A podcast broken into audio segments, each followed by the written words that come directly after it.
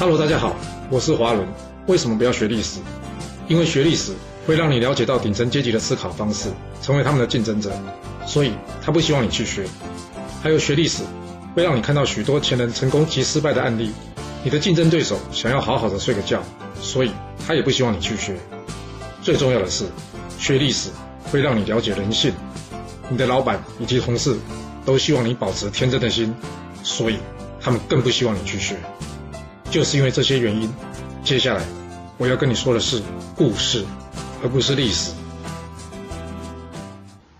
今天主题是啊，什么样的人做什么样的事？我们刚刚在春秋第九十六期故事中讲到，这吴国攻下楚国首都之后，开始展开了野兽般的行为啊，就像当初西周末年犬戎攻破的镐京一样啊。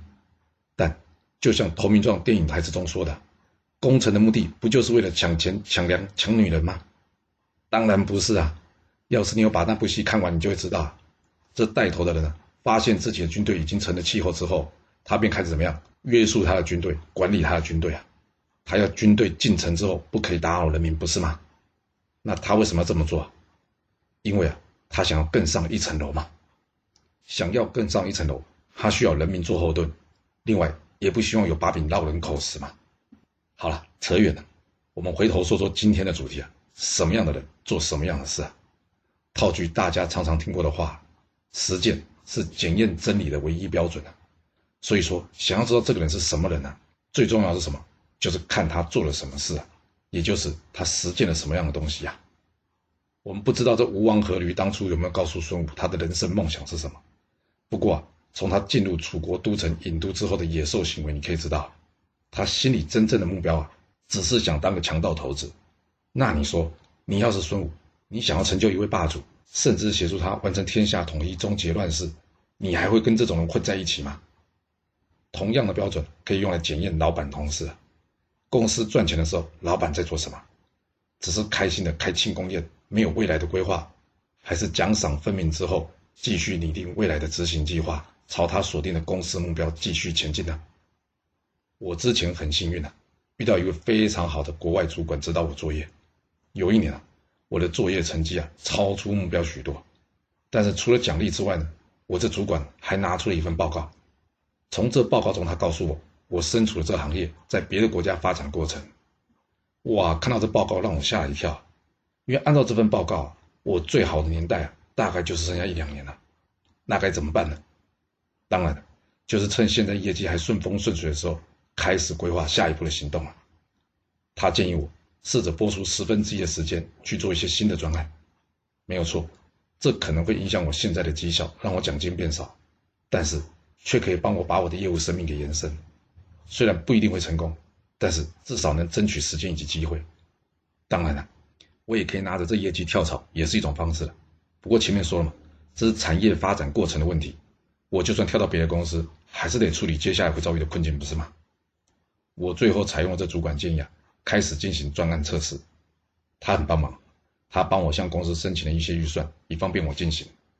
这两年之中啊，我总共进行了四个计划，测试了一下市场反应。而其中呢，除了第一个测试案以外呢，其他都失败了。那我要赶紧导入这第一案嘛。我的主管跟我说，维持现况就好，先不用强力推广，因为我最好要能找到第二个业绩推动的引擎啊，再把第一案给推出来。当然了。要是原先的业绩引擎已经熄火了，这第一案就可以充当救火的专案了。这样的作业方式啊，一可以让公司看到我另外的价值，就是什么解决问题的能力。那下次你跟公司要预算的时候呢，就比较容易成功。二可以帮我争取更多的作业时间，让我有机会继续测试其他的业务模式。虽然我这位主管后来另谋高就了，但是这样的方法却帮助我在后面的几年中啊，业绩一路过关斩将。那至于公司同事呢，说实话。公司同事跟我们生活反而是更息息相关的，所以可以的话呢，我会建议各位啊，仔细观察一下，这同事他在公司中他的职位，公司中呢有谁跟他有利害关系，还有他怎么样做事的方式、说话的内容，以及他面对事情处理的方法。一旦你开始进行观察，相信你会发现，有很多人说的跟做的完全不一样，你说是吧？